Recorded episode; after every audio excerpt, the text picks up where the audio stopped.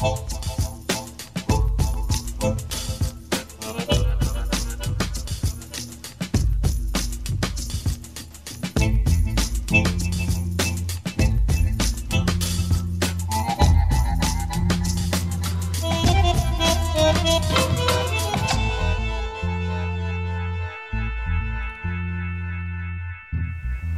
su ti koji zagađuju, oni su ti koji ometaju prevoz, oni su ti koji grade i ruše širom ovog grada. Vidimo da popločavanje trga se predstavlja kao zidanje piramida otprilike. To je neverovatan graditeljski poduhvat koji se nikako ne završava. U najavi je podizanje različitih novih skulptura. Stiže skulptura Stefana Nemanje negde iz Rusije, U isto vreme vidimo neverovatnu zapuštenost u različitim delovima grada. Savski kej je jedan od primera, Zemunski kej je drugi primer. Ko šeta Zemunski kej može da vidi da je započeta ne, nezakonska izgradnja luke, na primer. Gardoš je dalje razvaljen.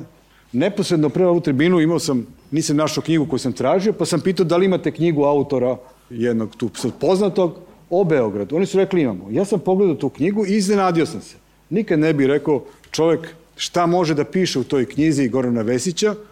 to su podaci koje je napisao. Na primjer, da je trenutno obnova Đumurkane na Savi na predlog Nikole Selakovića. Tako tamo piše. Da će biti spomenici profesorima,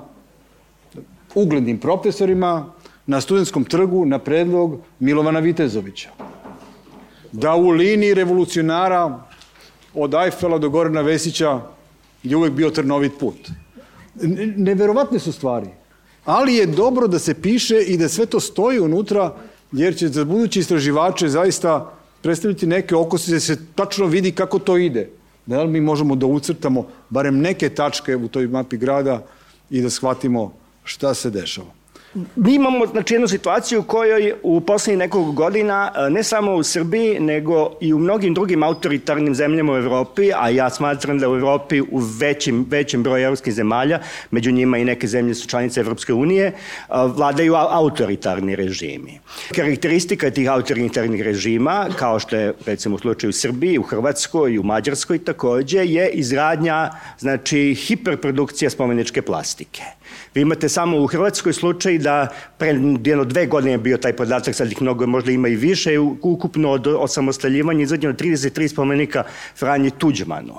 Ovaj, a s obzirom da, jel da, moramo u to uvek vreme uvek da uporedimo sa onim vremenom tamo za koji su nam rekli da je bilo totalitarno i autoritarno, reći ćemo da za razliku od tih 33 spomenika Franji Tuđmanu, jel da u Zagrebu, niti u centru Zagreba, niti u centru Beograda, niti u centru Ljubljana, nikad nije bio nijedan spomenik Josipu Brozu Tito. Danas je lako praviti skulpture, postoji, ovaj, postoje tehnologije koje, kako da kažemo, tu tradicionalnu formu mogu da, kako da kažem, simuliraju i to se u mnogo čemu uh, koristi, tako da je zapravo, znači, prva prva karakteristika uh, ove spomeničke skulpture, o kojoj ću najmanje govoriti, zato što nije u domenu je koruptivnost. Znači, nema nikakve sumnje da se koristi jedna situacija u kojoj je relativno zapravo jeftina proizvodnja takve vrste plastike u odnosu na novac koji se u to koji su to ulaže. Druga karakteristika, da požnemo ti neki osnovi karakteristika, je svakako ta autoritarnost u smislu donošenja odluka o tome koji će se spomeniki gde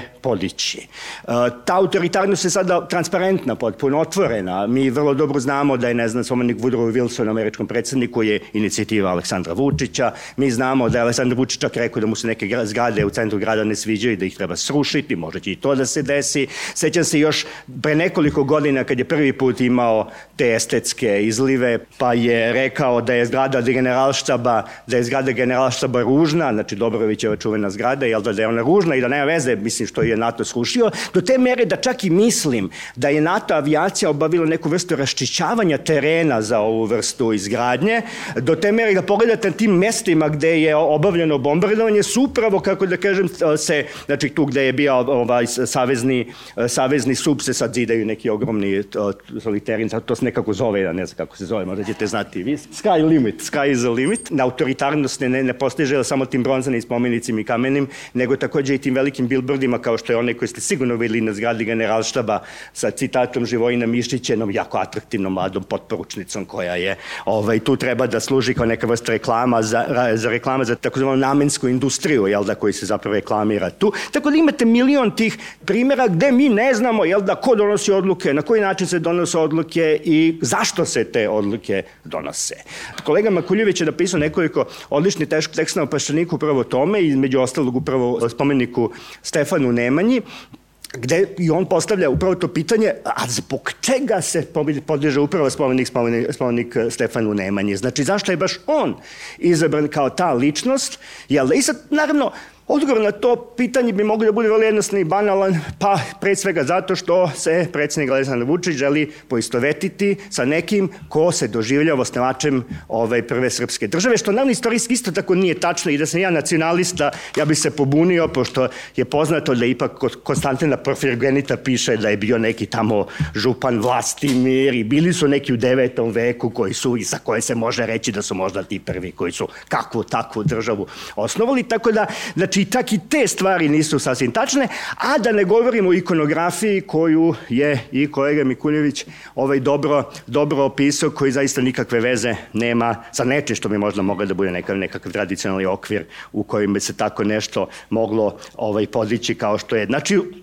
Htenje je jednostavno, znači vođa hoće da se poistoveti sa Stefanom Nemanjom. Druga karakteristika, odnosno treća već karakteristika i na kojoj bi se malo duže zadržao i meni je vrlo ona, kako da kažem, posebno interesantna, a to je neka vrsta kolonijalno ili autokolonijalnog momenta u izgradnji spomenika u Beogradu. To je, to je novo, to nismo do sada imali. I to je vrlo interesantno. U svo busanje, jel da, nacionalno iz, koje, iz, iz tog šinjela je ispala ova sadašnja politička garnitura, mi imamo trenutnu situaciju da kada se neka strana država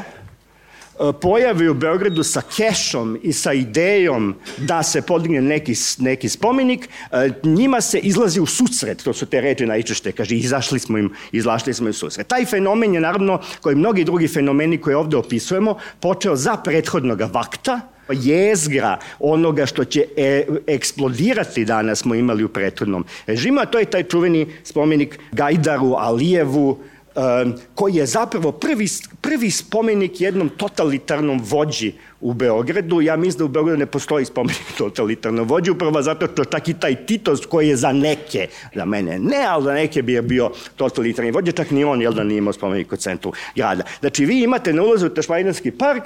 Pored spomenika Miloradu Paviću, znači jednom književniku svakako zaslužnom, opet kako god ko mislio i kakvi ukusi oko njegove literature budu, jednom značajne ličnosti, njih dvojca flankiraju, njih dvojca, kako da kažem, vas uvode u Tašmajdanski park, zato što je država Azerbejdžan, odnosno sin Gajdara Alijeva koji je sadašnji uh, aktuelni predsednik te, te države, ovaj, jel da odrešila kesu i donela taj projekat i ovi su rekli naravno može. Nije to jedini usamljen primjer, Rusija je tu najaktivnija, imate taj spomenik caru i Nikolaju, isto se ne zna iz kog razloga je taj spomenik caru i Nikolaju u sred centra grada s pogledom na Skupštinu napravljen. I u krajnjoj liniji taj spomenik Stefanu Nemanji koji je očigledno isto ruska inicijativa jer oko tog spomenika upravo zapravo postoji vrlo jasna dokumentacija da je jedan od članova e, žirija, Miodrag Živković, koji je jedan od tih veoma poznatih um, skulptora koji su izvodili i u ono vreme socijalističko neke od čuvenih spomenika kao što je na Tijentištu, Kadinjači i tako dalje, izašao iz toj komisije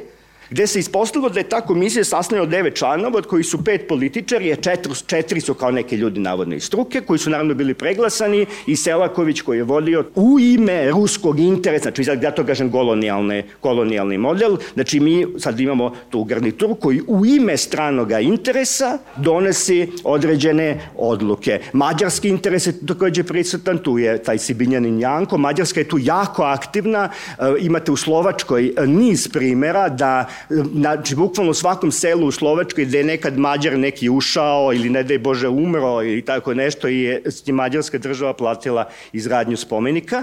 I e, taj spomenik Sibinjen i Njanku na zemaljskom keju me dovodi do četvrte, e, kako kažem, karakteristike, a to je izuzetno loša izvedba, znači izuzetno e, loš kvalitet te spomeničke plastike, gde prednjači taj spomenik Sibinjen i Njanku koji onako već ide u, u domen komedije i komičnog. Konačno, peta i osnovna i glavna možda ipak karakteristika je to da Ne postoji apsolutno nikakva svest, ni nikakva želja, ni nikakva potreba da se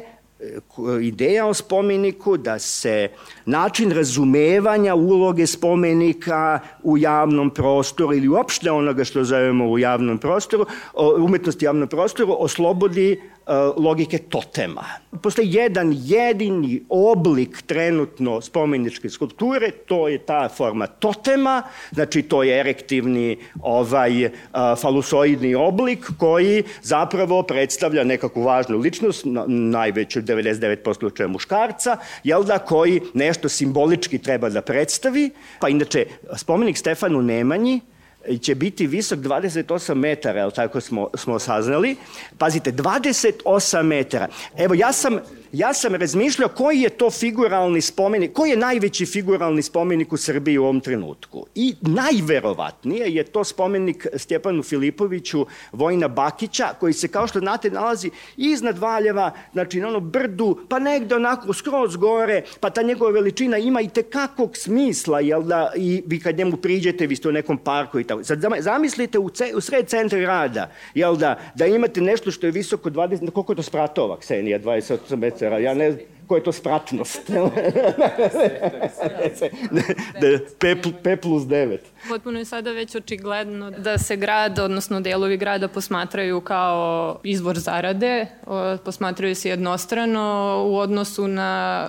čitav grad kao organizam, znači delovi se izdvajaju, praktično njima se trguje kao robam koja je za ono što nazivamo investitorima vrlo konkretan izvor zarade gde se svaki metar kvadratni, pa u stvari metar kubni, lepo premerava, zna se njegova vrednost, dok je, na primer, za vlast tradicionalno svaki taj komadić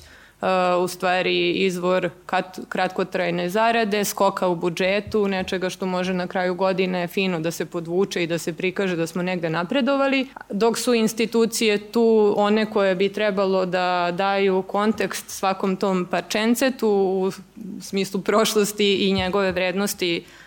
za budućnost našeg grada, u stvari sada svedene na neki protočni bojler i svedeni su na puke izvršitelje interesa u stvari ekonomskih jedne vladajuće elite praktično koja znači radi vlast u sprezi sa privatnim e, kapitalom. E, mi možemo razvoj tih događaja da pratimo, dobro, ajde, od, na primjer, prvih talasa privatizacije, Kad su se istrošile te privatizacije, videli smo na primjeru Beograda na vodi, kada je čitav a, državni aparat zapravo upregnut jer nije postojao način da se to drugačije na, e, otme, nego da se znači čitav državni aparat upregne i da od, od, odvoji parče jedno od najvrednijih pa, oba, delova obala Beograda u stvari da postane privatno vlasništvo e, na tom parčetu ne samo da se opet znači da je pronađen novi model privatizacije opet javnog zemljišta, već se tu ispituju i novi modeli upravljanja javnim zemljištem, Evo Čavić je skoro imao prilike na Sava promenadi, onome što se tako sada brendirano naziva, da u stvari e, privatno obezbeđenje kontroliše pristup tom pri, e, području. U ovom slučaju je Čavić prisustovao tome da privatno obezbeđenje ne dopušta izbeglicama da tu borave. Dešavalo se da su sa tog prostora bili isterani novinari, da su im kamere oduzimane, i, na primjer, ako želite danas da tamo organizujete neki javni događaj, sačekat će vas informacija da osim drž gradskim institucijama za dozvolu da organizujete javni događaj na Savskom keju, morate da se obratite i privatnoj firmi Beograd na vodi DOO. Nešto što je neposrednije, bitnije za širi broj građana je, na primer, popunjavanje nove beogradskih blokova, znači svake zelene površine novom izgradnjom, koja je isto jedan vid privatizacije tog prostora, zato što u sistemu kako se planovi trenutno razvijaju, zapravo ne postoji mehanizam koji bi obezbedio, čak i u onim slučajima redkim kada je na papiru obezbeđeno poštovanje javnog interesa, na primer, eto, na ovom području može da se digne stambeni objekat, ali ovde moramo da dodamo školu, vrtić, dom zdravlja, zapravo nije uspostavljen mehanizam koji, kojim ta nova izgradnja kvadrata može da bude uslovljena izgradnjom one infrastrukture koja treba taj novi drž život zapravo i da podrži. I zbog toga imamo, sada se dešava da se tu pakuje i pakuje, a da nam je svima ukupno uključujući i tim novim stanarima sve teže da živimo u tim blokovima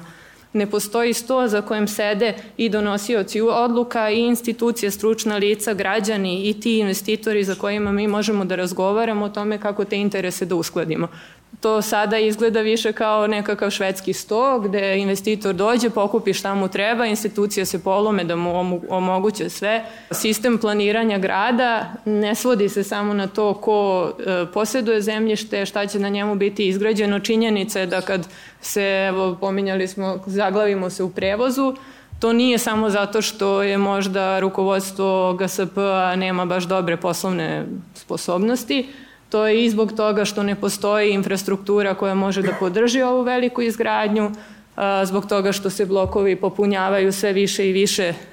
zgradama, novim kvadratima, a ne šire se putevi, ne dodaju se novi. To je zbog toga što je grad rešio da, na primer, prvu liniju metroa koja je trebalo da obsluži visokofrekventan pravac od Zemuna do Ustaničke zameni nekom linijom koja u ovom trenutku ide od Makiša do Adehuje u stvari, koja sada kao prazne su livade, ali će u nastavku postati polja za opet ispunjavanje tih privatnih interesa, ali u nekoj tamo fazi, do tada ćemo mi čekati zaglavljeni u prevozu, Znači, zaglavljeni smo i zbog toga što se brišu biciklističke staze, zato što se grade garaže u samom centru grada. Evo, skoro je potpisana koncesija sa kinezima za izgradnju garaže sad tu u tom paketu je i studentski trg, garaža ispod trga Republike, u Fruškogorskoj, što je u stvari neka uličica pored spomenika nesvrstanih, pored Brankovog mosta, čudno i u Lajkovićevoj, dovođenje novih automobila u centar grada, a da se ne ukidaju parking mesta na, na površini takođe samo povećava taj problem i zapravo su to isti razlozi zbog kojih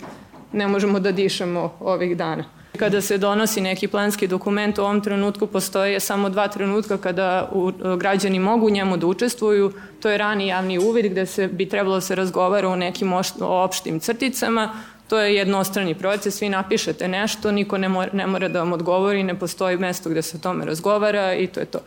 U kasnijoj fazi postoji javni uvid koji traje 30 dana, On se, oba, obe stvari se oglašavaju na uh, sajtu beograd.rs, ne znam koliko je ljudi ikad otišlo samo inicijativno na taj sajt da vidi šta ima novo, da li se možda nešto menja u vašoj ulici, to je jedino mesto gde možete saznate, i u jednoj dnevnim novinama koje, evo ja ne znam koje su u ovom trenutku, zato što se i to menja,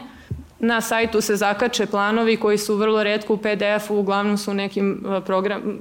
formatima koji nisu čitljivi na prosečnom kompjuteru, znači neko mora već da posjeduje i tehničko i jedno posebno specifično znanje da bi tome pristupio, neki tekstovi koji ipak zahtevaju nekako objašnjenje, E da, i postoji ta javna rasprava, to je taj jedan dan gde se vi suzrednete sa komisijom za planove, to se zove javna rasprava, iako to rasprava nije, to su neke konsultacije, to, tu nisu otvorena pitanja, to je zadnji korak u čitavom tom sistemu. Gomila E, slučajeva koji su u zadnje vreme potresli javnost su zapravo oni slučajevi koji se nikad ne nađu ni u toj jadnoj proceduri, na primjer zatvaranje centra grada, pretvaranje u pešačku zonu, rekonstrukcija Trga Republike, rekonstrukcija Gardoša, zeleni bulevar, ovo što se naziva, odnosno ceo potez od 27. E, marta cara Dušana, do, u stvari do Kališa.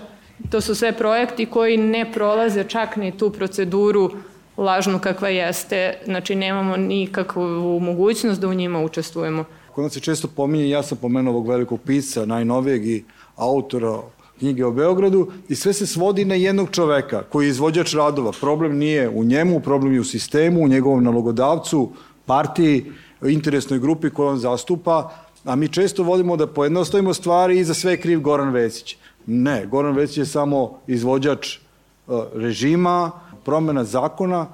i drugačiji zakoni, drugačiji postupci su za nas važni. E pa mi smo zahvalni Goranu Vesiću, uh, zato što nas je Goran Vesić organizovao. Govorimo o inicijativi 1K, Znači, pre godinu i kusur dana Goran Vesić je najavio rekonstrukciju Savskog keja u zaleđu novobeogradskih blokova 70, 44 i 45 po ugledu na Sava promenadu. Sava promenada, tu je 80% površina asfaltirano, stavila se uglavnom sad u one kadice u kojima se dave pri većim padavinama i onda ih menjaju, njihova funkcija je estetska jedino i sada mi svi koji živimo u novobeogradskim blokovima, nas dvojca smo jedni od tih, Uh, izraslo je malo ta, ta vegetacija nam je izrasla, ali živimo u ljutom betonu i stvarno nam je Savski nasip uh, jedina preostala oaza. Na našem Savskom keju je 80% površina uh, zelenih, travnih površina, stabla su posađena u zemljište ko što i dolikuje. Uh, I postoji niz drugih problema koji su se pojavili umeđu vremenu, između ostalog najnovija pojava je da mi praktično više ne možemo da vidimo reku od e, splavova. Postoji znači deo iza bloka 45 do Ostružničkog mosta s leve strane, leva strana Savje, znači tu postoji nasip i nebranjeni deo ka reci, koji sam ja kao dete sa svojim drugarima na biciklu osvajao putujući iz bloka 70, tu je bilo ništa, nije bio je čestar. I onda je negde početkom 2000-ih su počeli da niču prve neke sojenice tamo i to uglavnom ljudi koji su projektovali Reni Bunare koji se tamo i tamo nalaze. Beograd se na dva načina snabdeva pijećom vodom. Jedan je prerada savske vode i ta voda je slabije kvaliteta od one koje dobijamo putem oko 150 reni bunara koji crpe podzemne vode. Te vode je manje potrebno tretirati u obradi i mnogi od tih reni bunara se nalaze upravo duž čitavog savskog nasipa. I uglavnom šta se sad tu dešava 2000-te, da je ostalo na tih 10-15 sojenica, niko se ne bi bunio, niko ih ne bi primećivao, ali to je postala top lokacija za opet ljude koji su pripadnici nekih elita i kojima je tako super, mislim dobra je ideja imati vikendicu ili neki objekat odmah na ivici grada u prirodi, I to je preraslo u Eldorado, bukvalno. Znači, taj kraj je poznat po tome što s jednog kraja imate kuću Tomislava Nikolića, s drugog Ljubiše Buhe Čumeta, a između ima svega i svačega. Mi imamo informacije da tu ima ljudi koji su trenutno aktuelni pomoćnici u ministarstvima, penzionisani načelnici policijskih stanica u Beogradu.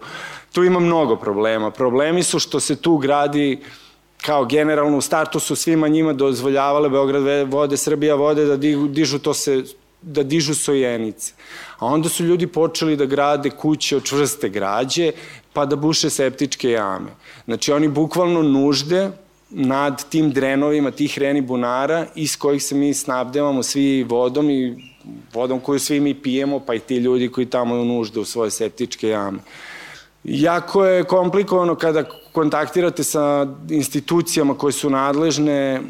i kada im tražite, na primjer, saznali smo da postoji neka procena ili studija o zaštiti Beograda od visokih voda Save i Dunava, pa smo tražili da nam to daju zahtevan za informaciju od javnog značaja, pa su oni u Srbija vodama rekli ne možemo to da vam damo, to je kao neka tajna, možete da dođete pa da pogledate. Onda smo mi došli, nas trojica, i tu su bila dva vodna inspektora i onda ovaj, oni su tako nešto s nama pričali, vadi nije jasno bilo koje smo budale ili ko treba, ko je toliko lud da dolazi da gleda, ne, mislim, kao da mu je stalo do nekog javnog interesa, onda su nas na kraju pitali, ali biste vi tamo možda vikendice, kao nije im jasno šta je iza svega, a oni su upravo ti koji bi trebalo da reaguju. Takođe onda čujete da je osoba koja je postavila pre godinu i po ili dva, dve dana izvesne rampe na tom nasipu. Rampe koje je predviđeno zabrane saobraćaja, ali nisu uopšte stavljene u funkciju, samo su postavljene da je smenjena sa svoje funkcije. Da, onda drugi deo je taj priče sa Goranom Vesićem i šta se tu sad dešava, šta mi možemo da očekujemo, svi smo svedoci kako izgledaju radovi u Beogradu poslednjih godina, bilo da je Zem, gospodska u Zemunu, bilo da je trg Slavija, bilo da je trg Republike,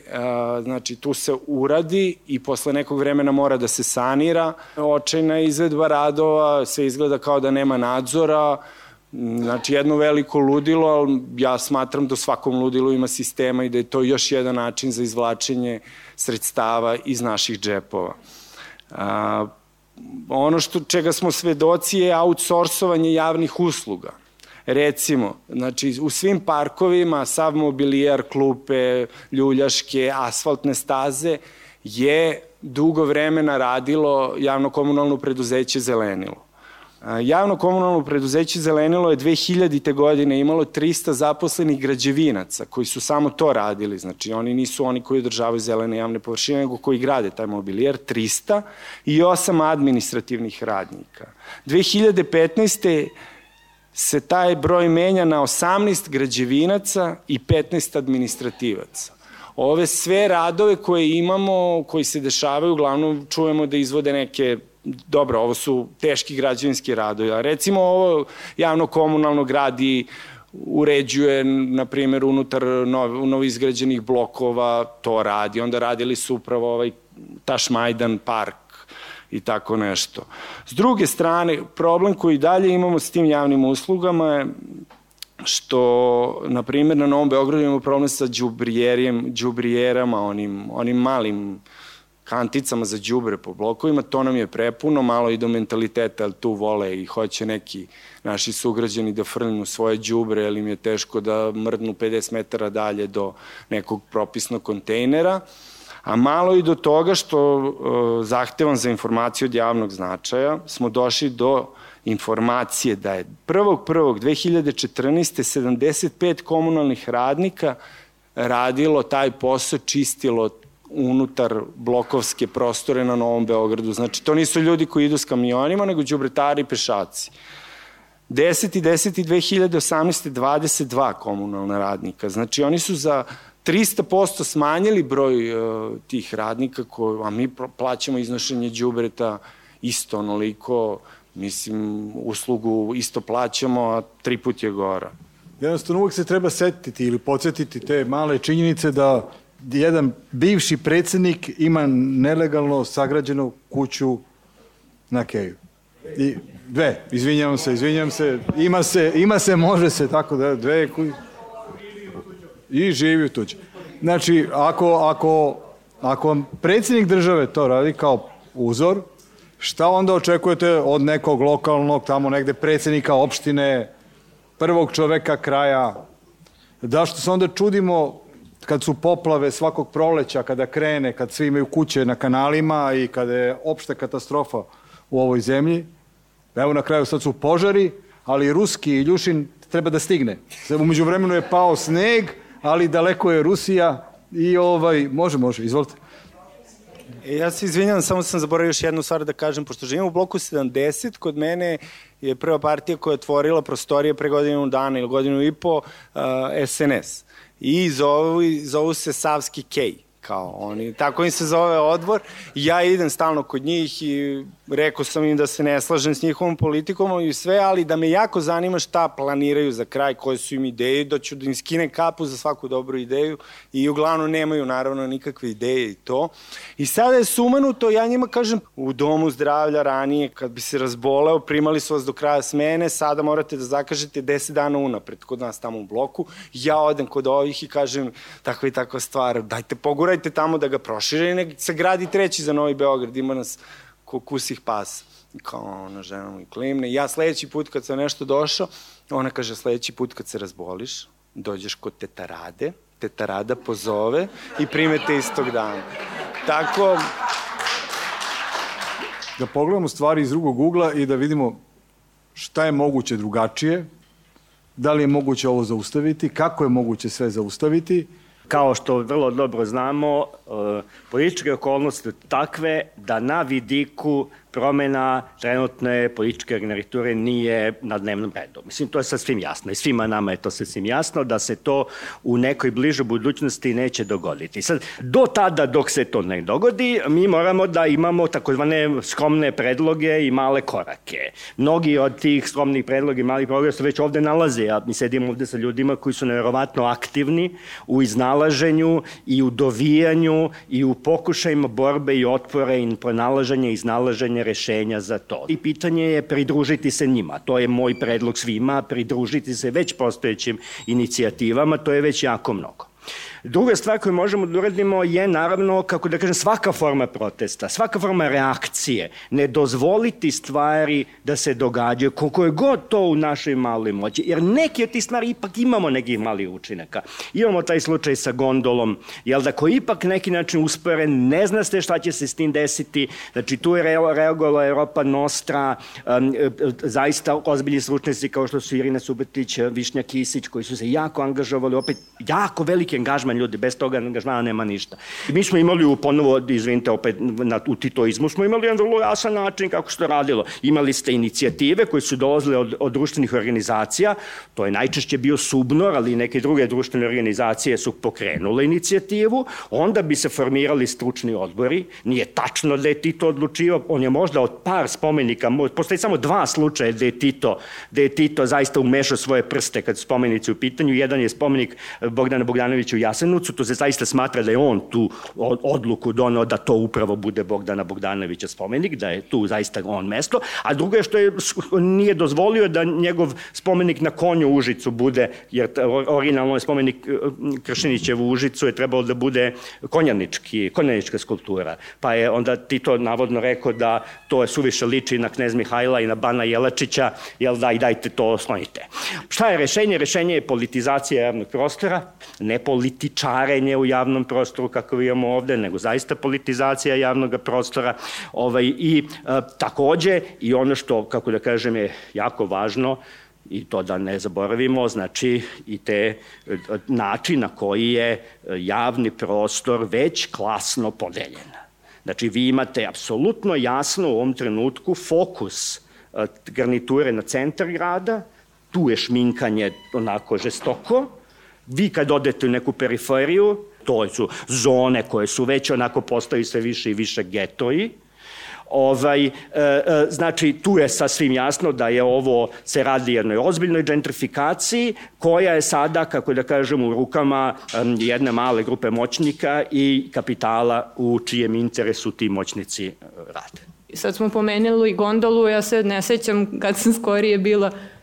sre, toliko srećna kada se zapravo većina stručnjaka Republičkog zavoda za zaštitu spomenika javno oglasila povodom procedure donošenja plana za izgradnju te žičare od Ušća do Kalemegdana. Znači oni su javno istupili preko 20 ljudi, čini mi se, i rekli da unutar te institucije nisu ispoštovane procedure, da oni sami nisu bili uključeni i čini mi se da im je ta javnost čitavog tog događaja ipak zaslužila kao e,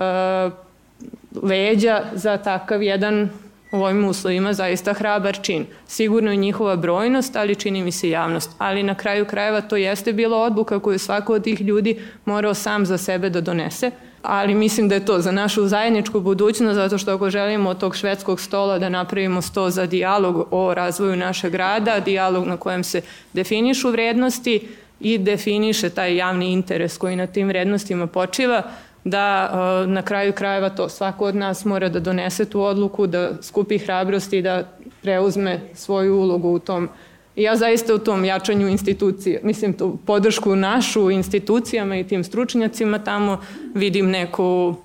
možda je to ova sad faza da mi je to jako uzbudljivo, ali mislim da bez toga neće biti e, mnogo. To je jedan veliki resurs, mi imamo te ljude koji su zaljubljeni tamo, koji pate, treba ih pogurati i mislim da, da traže tu podršku s terena da bi onda oni unutar institucija mogli možda malo bolje da deluju. Eto, mislim, iz tih nekih neformalnih razgovora od ljudi iz raznih inicijativa kažu zapravo da su im i unutar institucija signalizirali pa dajte napravite protest, pa napravite pritisak, pa ćemo onda mi kao nešto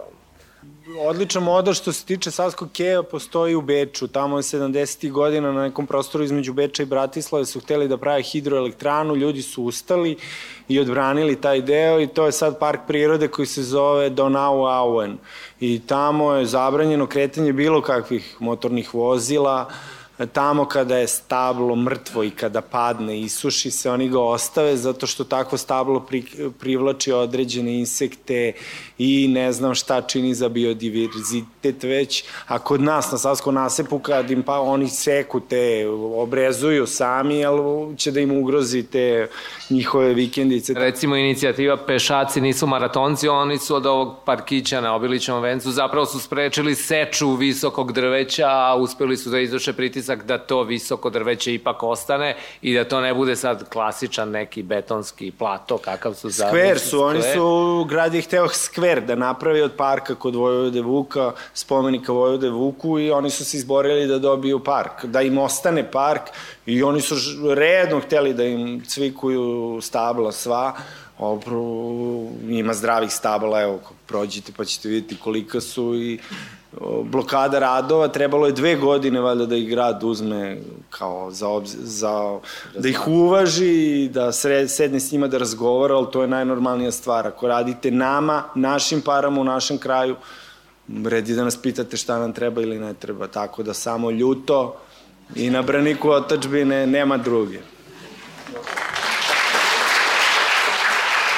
Pa žao mi je da govorimo o dekonstrukciji Beograda da ne pomenemo most i somnabulnu ideju da, vo, da onaj most ide u park. U stvari i glavna stvar kako ćemo to da sprečimo. To je jedna od ovo kad pričamo o učešću građana e, da je to sve toliko jadno da nam se sad opet ta anketa, Branko je pominjao primer uklanjena partizanskih statua ispred opštine Voždovac. Ovo je sličan model u tome da se odluka o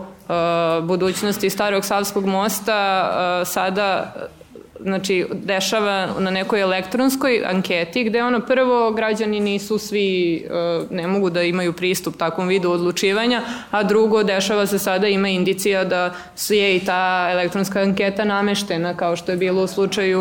na Voždovcu. Uh,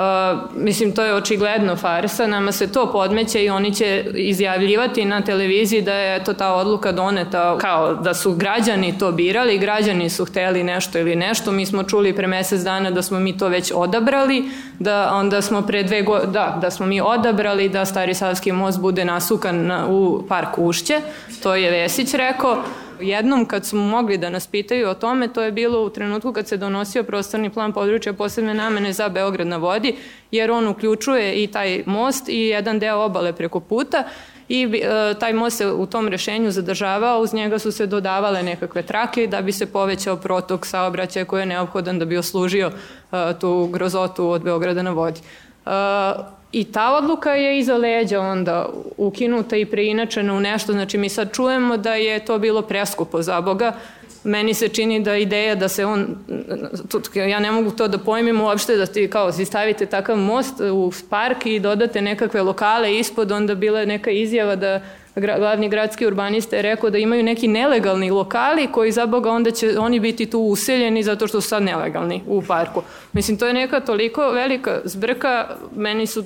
to, to, to, to mi je nekako najsuludije rešenje, ali sigurna sam da bi smo morali da budemo sposobni da zapravo otvorimo to pitanje i da zaista pričamo o tome šta taj most znači i na kom mestu može da znači više, a ne manje za Beograd. Ja sam arhitekta Miletić i dosta dugo, 30 godina sam radila kao zakonodavac i vođa velikih tendera u Australiji.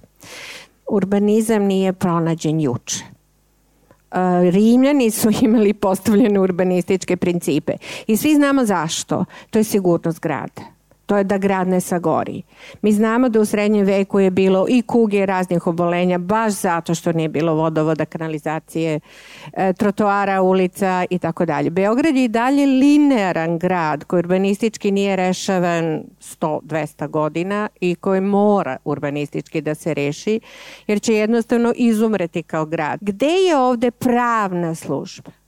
Gde su ovde pravnici? Gde su ovde zakonodavci? Da se udruže na ovim tribinama. Oni jednostavno nisu svesni da naša deca neće imati trotoare kuda da hodaju, neće imati čistu vodu da piju. I bruka i sramota da se sve ne sruši što ste vi rekli na savskom delu, to je protivzakonito, to je protiv higijene. Tu ima milion i jedna stvar protiv zakona. U tom smislu ne znam, jer ja sam se skoro vratila i trudim se da se u, uključim sa, u svemu, ali ja ne znam koji je pravni lek ovom. Ovo mora malo zbiljnije. Ljudi su po, pokušavali svašta, pokušavali smo uh, istovremeno sve što nam ikad padne na pamet. Uh, povodom Beograda na vodi i održavali proteste, išli na javne rasprave, pisali po 2000 primetbi ljudi to je, ne, ne znam da se ikad ponovilo da se gradska uprava sredne sa tolikom količinom primetbi koji su pisali stručnjaci Znači nije izostalo, nisu bili ne, neinformisani. Vrlo jedan ozbiljan pristup tome je bio da se da podrška ljudima da na stručan način obrazlažu to. E, pisali smo predloge Republičkom javnom tužilaštvu jer se se desile ozbiljne povrede zakona, e, predlog za utvrđivanje ništavosti tog ugovora i ništa od toga nije uspelo u tom konkretnom slučaju. Jeste uspelo da se ta tema razvoja i krađe grada prenese u te male sitne blokove gde se sada trvemo oko par stotina kvadrata zemljišta i koje zapravo mogu da uspeju jer imaju ovo kao primer onoga šta može nam se desi ako ne reagujemo. Tako da to super bi bilo, svi dajemo sve od sebe, sve ideje su dobre i svi treba sve da radimo što nam padne na pamet i to je to. Je to.